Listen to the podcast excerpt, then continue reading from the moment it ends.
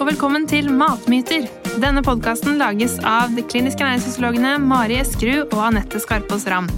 Vi er opptatt av å skape mindre usikkerhet og eh, myter rundt mat og helse, og det er også målet med denne podkasten. Hver episode så kommer vi til å ta opp ulike temaer som mange lurer på, og svare på spørsmål fra dere som lytter. Vi håper at du får et enda mer avslappet forhold til mat, og at det blir enklere å ta sunne valg i hverdagen ved å høre på podkasten vår.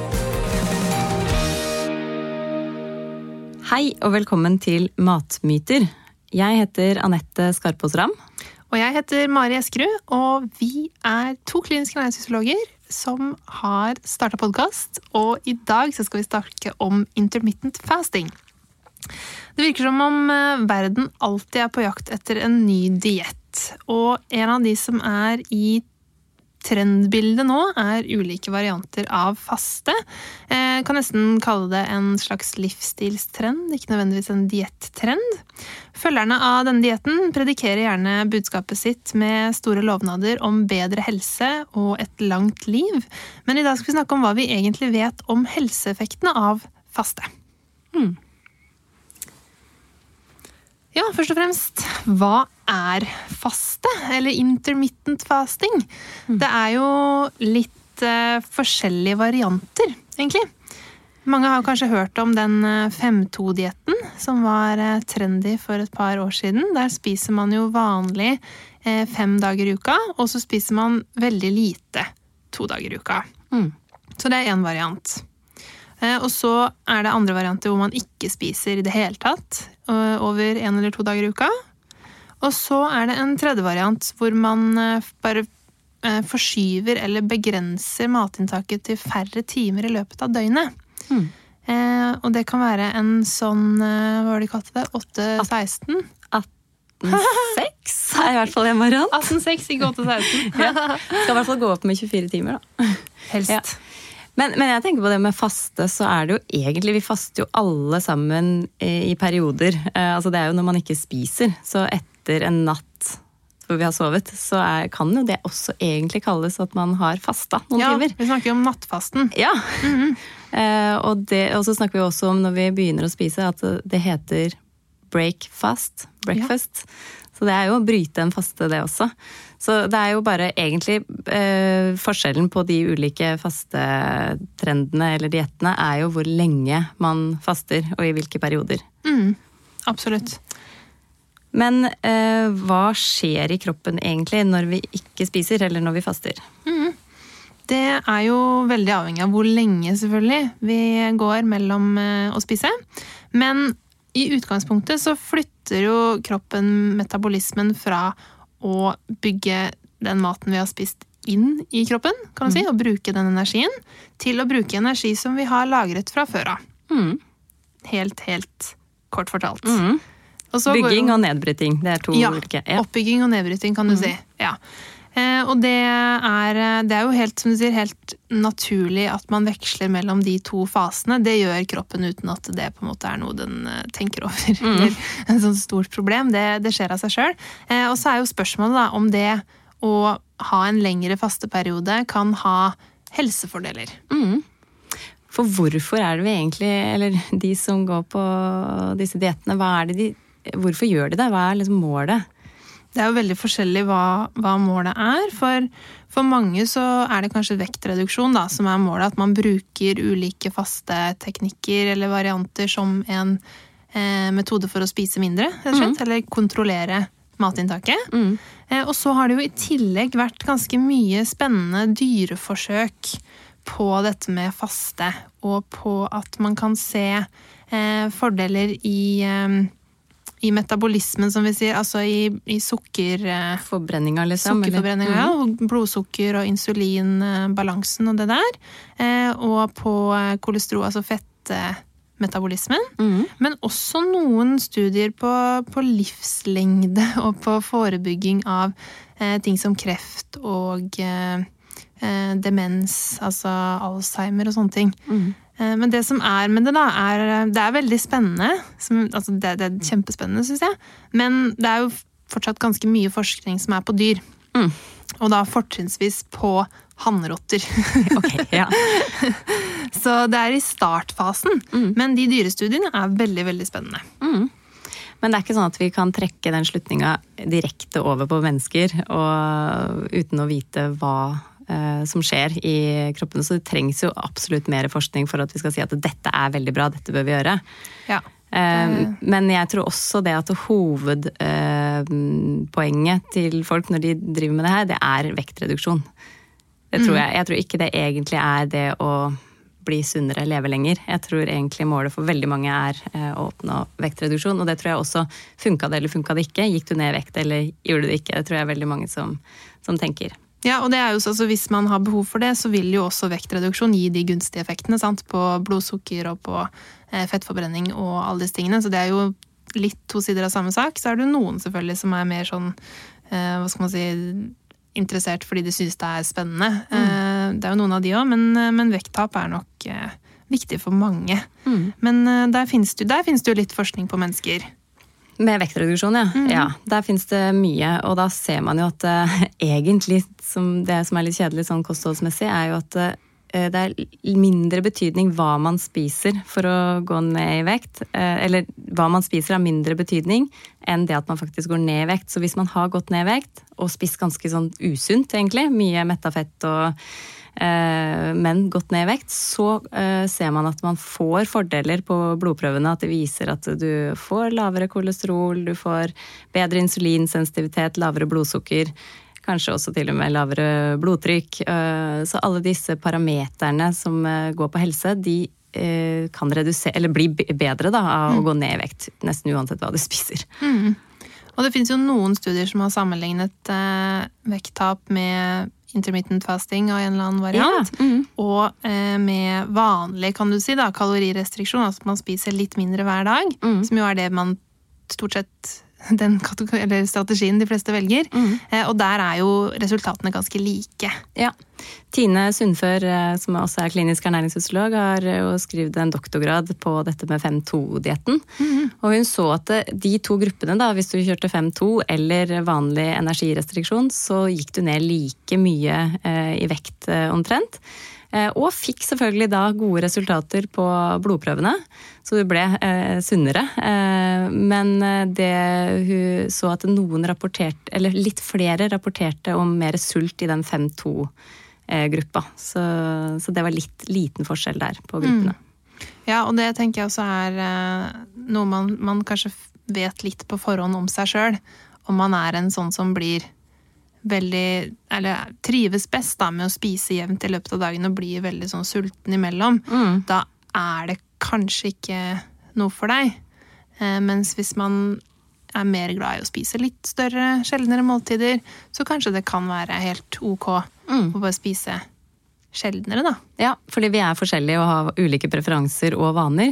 Så det med 5-2 så er det jo sånn at du skal spise ganske normalt eh, fem dager, og så spiser du 500-600 kalorier. Det er veldig mye mindre enn en normal dagsinntak to dager i uka. Ja, det er et hovedmåltid på en måte, da, ja, kan du si. Ja, egentlig en stor middag kan det være. Eller ikke en så veldig stor heller, men, eh, men, ja, en middag kanskje som du skal fordele da i løpet av hele dagen. Mm. Så, så det vil jo være forskjellig fra ja, og hva slags eh, situasjon man er i, og hva som passer. ikke sant? Og Det er jo mm. det som er litt også med dette faste greiene, at det må jo passe sosialt. Det er en mm. annen utfordring med det. At det, det, er ikke alle situasjoner det egner seg. Nei, så hvis man tenker på den 18-6, da. Eh, ja. Hva betyr det egentlig? Ja. Eh, den eh, spis, forskjøvet spisevindu, på en måte. Det innebærer jo for Eller mange legger opp det, da. Sånn at man spiser frokost kanskje klokka tolv, eller spiser første måltidet klokka tolv. Mm. Og så spiser man da i løpet av dagen til sånn i sekstida på kvelden. Og så spiser man ikke noe da mellom eh, middag og når man står opp igjen. Eller ja, neste lunsj, da, kan du si. Mm. så man spiser i seks timer, eller mm. kan spise i seks timer, og så faster man da. Eller spiser ikke i 18 timer. Mm. Og det kan man egentlig velge sånn som eh, når man spiser i løpet av de eh, det døgnet. Det er det samme, bare at man har et spisevindu på seks timer. Mm. Og det er det jo mange som kanskje tenker at er veldig usunt i utgangspunktet når man hører om det, fordi vi er så primet på den der med at du skal spise ofte. Du må spise lite og ofte og spise litt her og mellommåltider og hurra meg rundt, holdt jeg på å si. Og det er jo egentlig en myte at det er bedre for alle. At vi må drive og fylle på sånn gradvis. Mm. Det er ikke egentlig så mye forskning som tyder på at det er bedre. Eh, Men hvorfor sier vi det? Det er jo veldig ofte for å slippe å bli supersulten mellom to måltider. For hva skjer da når man er kjempesulten? Det er Da at kan man spise veldig mye. Ja, så enten så velger man da ofte da usunn mat eller energitett mat, eller man spiser litt mer enn det man egentlig har eh, behov for. Så det er jo kanskje grunnen til at veldig mange maser om de der måltidene. Men det er ikke noe i forskning som viser at det er sunnere å spise seks måltider om dagen sammenligna med to, på en måte. Nei, og for noen som, eh, som kanskje er veldig glad i mat og ikke har så reflektert forhold til akkurat hva man spiser, da, så kan det jo bli ekstra mye mat av å spise ofte, for da har du flere anledninger til å spise. så det er jo ikke nødvendigvis sånn at det er bedre å spise en baconpølse på vei hjem fra jobb enn å ikke spise og bare Nei. vente. ikke sant? Så det er jo så mange faktorer inni dette her. Veldig Men det sant. som er veldig stilig med den, um, den forskjøvet spisevindu, da, mm. er jo at det eh, er også litt forskning i forhold til dette med, med sarcadian circadian rhythm, som det heter på engelsk. Det heter vel sirkadisk rytme, tror jeg, på norsk. Eh, ja, som ikke er Det er ikke døgnrytme, det er på en måte kroppens naturlige rytme da, eh, i, forhold, i løpet av dagen. For der skjer det jo endringer i metabolismen, og sånn som vi ikke egentlig tenker på, men kroppen er jo i en annen fase når vi sover, da, for eksempel, enn når vi er våkne. Eh, og det å spise etter det den tankegangen, rett og slett, om at man skal spise når kroppen er på en måte mest mottagelig for å ta imot mat og bruke mat, det tenker jeg er veldig naturlig. Eh, og det har vi jo ofte det har vi jo sett før òg, at det er ikke nødvendigvis noe fordel å spise hovedmengden av energien seint på kvelden. Altså at man har en kjempestor middag. Det har i hvert fall jeg brukt å fraråde når det handler om, om både slanking, men også om eh, ja, å ha det bra i magen, da. Eh, Å ha en god fordøyelse. Ja. At det er veldig unaturlig å spise mye seint på kvelden. Mm. Og det er også en utfordring for de som jobber nattvakt, f.eks. For, eksempel, for da er kroppen i et annet modus på natta, og da er det ikke da man bør ta en stor hamburgertallerken eller spleise på en pizza på en måte på nattestid. Eh, Da er det mer sånn magert og, og lett fordøyelig mat som kan være fornuftig. Mm. Og det er jo sikkert også litt av grunnen til at man ser at å, å jobbe nattskift er uheldig for at Man har økt risiko for hjerte-karsykdom og diabetes overvekt og sånn. Det kan være også en del av den, den rytmen da, som man bryter. Eh, Så det er veldig sånn argument, tenker jeg, for å i hvert fall hvert fall for å tenke litt på det kveldsmåltidet, da, hvis man har anledning til det. Eh, nå er jo altså, store, hyggelige middager med god mat og drikke seint på kvelden. Jeg skal ikke si det er meningen med livet, men det er i hvert fall veldig, veldig hyggelig. Så jeg tenker at det er jo ikke noe man bør eh, kutte helt ut nødvendigvis, men at man kan tenke litt på hvis det passer. da. Eh, at man kanskje prøver å spise middag litt tidligere, eh, og prøver å ikke å fordele måltidene litt, litt bedre i løpet av dagen. Mm. Jeg tenkte også på det når man skal spise, ha et sånt spisevindu på seks timer. Hvis man begynner tolv f.eks., så er man jo ferdig å spise klokka seks. Eh, For de som velger det tids, eh, tidsrommet. Eh, Og for de som da har kvelden som en sånn utfordring, som syns det er vanskelig hva skal jeg spise på kvelden, og så blir det ofte litt snacking og litt Litt forskjellig hver dag, kanskje, men at det ofte ender opp med å bli noe kjeks eller sjokolade eller is eller eh, potetgull eller eh, Så er det jo eh, Vi er jo litt enkle også, vi mennesker. At vi vil egentlig, eller trives godt med få valg. Vi blir litt usikre og litt sånn Hva skal jeg velge, egentlig? At det er litt deilig å slippe de valga. Og det kan jo også føre til at du får et både bedre kosthold, at du unngår mye av det du ikke skal ha, men også redusere på energiinntaket. Eh, Så hvis du ikke skal spise på kvelden, så slipper du de valga. Det er jo veldig mange som har utfordring på kvelden med sukkersug og at man bare fyser på ting eller kjeder seg eller Ja. Det, er jo, en kjem- det er jo kjempevanlig, vil jeg nesten si. Men det er jo også noe som kanskje blir bedre sant, ved å faktisk passe på å spise de gode måltidene tidlig på dagen. At man ikke da har like mye fysing på kvelden. Ja. Det er det jo en del som syns. Ja, for det med planlegging er jo kanskje det viktigste. De fleste vet hva de bør spise, eh, eller veldig mange i hvert fall. Eh, Så er det det med planlegging, og hvis du har bare seks timer du skal spise på, så er det kanskje litt større sannsynlighet for at du klarer å planlegge for de måltidene du skal eh, få inn der. Så jeg tviler på at det første måltidet for de som driver med den fasten, er et stort skolebrød og en caffè latte, liksom. Mm. Jeg tror ikke de bruker opp eh, de, de måltidene på det. Så det også kan jo være en effekt, det å spise litt sunnere og litt mer planlagt. At det kan også være med på, på at det er et pluss, da. Mm. For egentlig så legger jo ikke disse her eh, eh, kostholdene legger jo ikke noe, legger seg ikke opp i hva du spiser. Det handler om når du spiser. Men det er jo selvfølgelig også viktig hva du spiser fortsatt. Mm. Det er jo ikke sånn at ved å bare spise junk i seks timer på dagen, så får du en kjempehelseeffekt hvis du ellers ville spist sunt og balansert over flere timer. Nei. Det er det jo ikke. Nei. Så jeg tror nok flere tenker at nå skal jeg ha et uh, godt måltid som metter og gir meg mye næringsstoffer. eh. Det er, det er nok litt Det er mange av de på jobben som har hatt det i perioder. Og da ser jo de lunsjene deres. De er ganske store, men de er uh, veldig smart sammensatte. Ja. Og det kjenner jeg sånn for min egen del, og at å spise mer til lunsj er egentlig bra. Eh, for det, er på dagen jeg føler at jeg trenger energi, sant? Mm. det er jo da man er på jobb, og man skal hit og dit, og man skal Ja, den ettermiddags eh, eh, før middag kan bli veldig lang, da. Særlig hvis det blir en sein middag, og det er egentlig veldig unødvendig. For det er jo bedre å bare spise mer når man trenger det. Men det er liksom, hverdagen er lagt opp litt sånn at det passer å slappe av og sette seg ned og spise middag kanskje ja, ofte i sjutida da, for, eh, for min del. Og da, da kan det bli litt uheldig fordeling, kan du si. Men det, det er ofte et råd jeg har til de som eh, kommer til meg og eh, målet er å gå ned i vekt, så er det det å flytte litt på energien gjennom dagen. At du eh, matinntaket, at du flytter litt fra kvelden ned på formiddagen. Kanskje putter inn et mellommåltid eller litt større lunsj, sånn som du sier. Fordi det går, gjør noe med appetitten også. Hvis du, appetittreguleringa. Hvis du har spist nok og er eh, fornøyd, så er det ikke sånn at du får lyst på alt mulig gjennom dagen. Kanskje. Ja, jo, jo, men det, ja, det hjelper. Liksom. Ja, det kan i hvert fall være et godt verktøy. Og da gjør det kanskje til at du også velger litt sunnere og litt mindre til middag. Mm. Og kanskje et fornuftig kveldsmåltid som er gjennomtenkt. Så hvis, eh, for å oppsummere litt, da, så er vi egentlig ganske positive vi, til disse strategiene. Det, hvis man føler at det er noe som eh, man har lyst til å prøve, og som man tror kanskje funker for seg, så kan man gjøre det.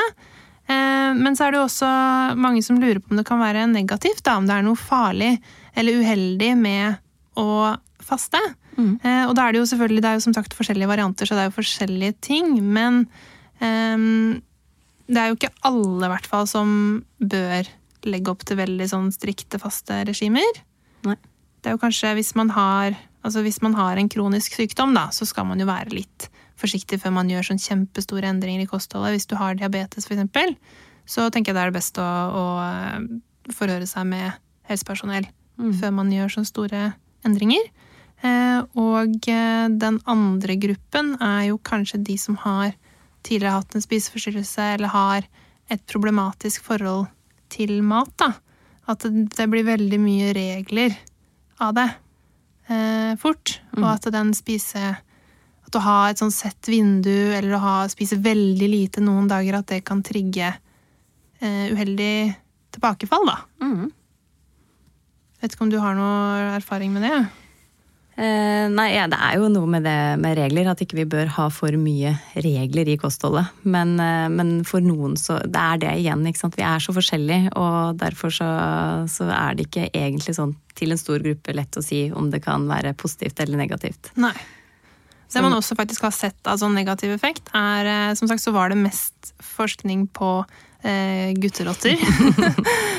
og mye forskning jo også, blir jo også gjort på menn. Eh, Sånn generelt, så man har faktisk litt lite forskning på det her, og på kvinner. Mm. så, men man har sett noe på hunderotter. Mm. Hvor man faktisk har sett negativ effekt på, på fertilitet da, og på hormonbalansen eh, hos eh, de eh, jenterottene. Så det er også kanskje altså, det, er ikke, det er ikke helt avklart da, hvordan dette påvirker alle. Så kanskje det faktisk er mer hensiktsmessig for, for menn enn så lenge. Det vet vi ikke. Men eh, hvis man gjør det på en, eh, en eh, måte som føles ok for seg selv, mm. og er litt bevisst på at eh, kanskje jeg som tidligere har slitt med en spiseforstyrrelse, ikke bør ha to dager i uka hvor jeg ikke spiser i det hele tatt. Mm. så, eller jeg som har diabetes type 1, da, for eksempel. da er det ikke gunstig å eh, gjøre så dramatiske endringer. Nei, og så tror jeg poenget er, hvis du har en sunn eh, frisk kropp, eh, så er vi ekstremt tilpasningsdyktige. Så vi lever jo veldig lenge på eh, rare dietter. Eh, så vi tåler veldig mye. Vi tåler å gå veldig lenge uten mat. Og, det er egentlig ikke det som kan eventuelt være grunnen til at vi ikke skal eh, prøve det.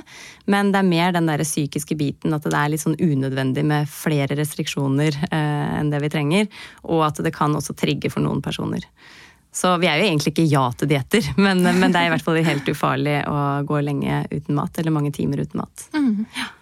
Vi har tatt med et eh, spørsmål i dag som vi, har, eh, som vi ofte får, egentlig. Og det er hvor mye energi trenger jeg på en dag? Og hva, jeg er jo litt forskjellig, da, men hvis vi snakker i litt sånn eh, runde termer på mm. en person, eh, også i forhold til det vi snakket om med å spise mindre mat i løpet av eh, en sånn faste dag, mm. eh, så er det litt greit å vite hva det er i, i forhold til. Og eh, da er det jo litt forskjell på, på, menn og kvinner, først og fremst. Ja, Og hvorfor er det det?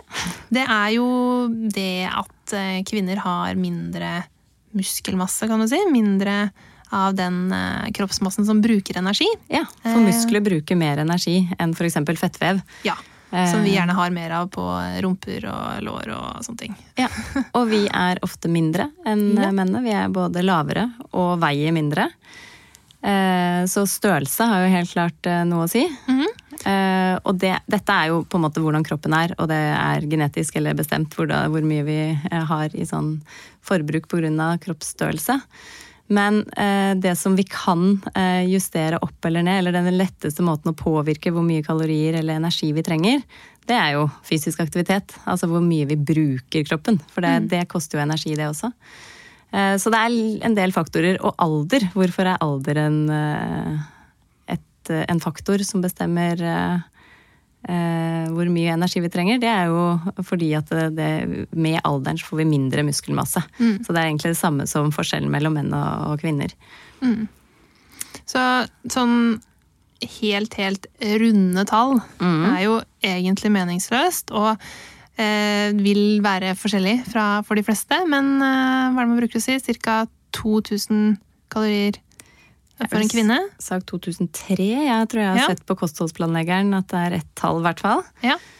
Ehm, men det er gjennomsnittet, ikke sant? så er ja. vi veldig ulike. Så det er ikke sånn at vi verken regner på energiinntaket vårt eller trenger det tallet til noe. Men sånn, eksempel når vi nevnte i stad at eh, den 5-2-dietten, så skal du ha inn 500-600 kalorier den dagen du faster, mm -hmm. så er jo det Man kan jo da se det litt i perspektiv med at vi vanligvis da spiser kanskje 2000-2500, mm. noen 3000 eh, ja. kalorier i løpet av dagen. Så blir jo det veldig liten andel. Da må du redusere ganske mye. Ja.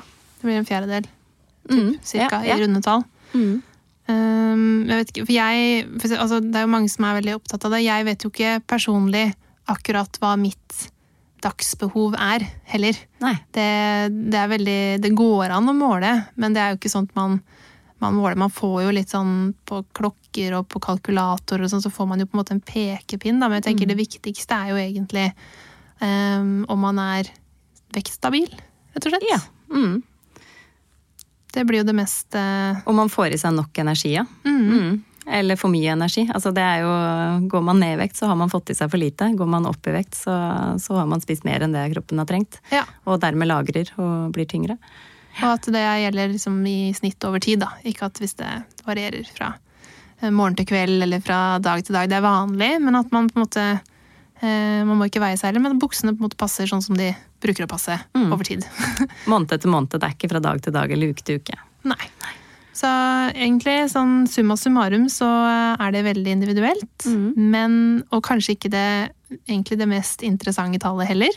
Eh, at det er viktigere å se på hvordan kroppen fungerer, og hvordan man, eh, hvordan man har det. Mm. Ja. Det gjøres veldig mye spennende forskning på intermittent fasting og ulike fastevarianter. Eh, de mest lovende resultatene, hvis vi ser på helseeffekter, de er fra dyrestudier, men det blir veldig spennende å se hva som eventuelt eh, kommer når det kommer mer forskning, og hva som er overførbart til mennesker. Enn så lenge så kan vi si at intermittent fasting kan være en fin måte å spise på om du har behov for å gå ned i vekt, eller bare trives med å spise færre måltider i løpet av dagen.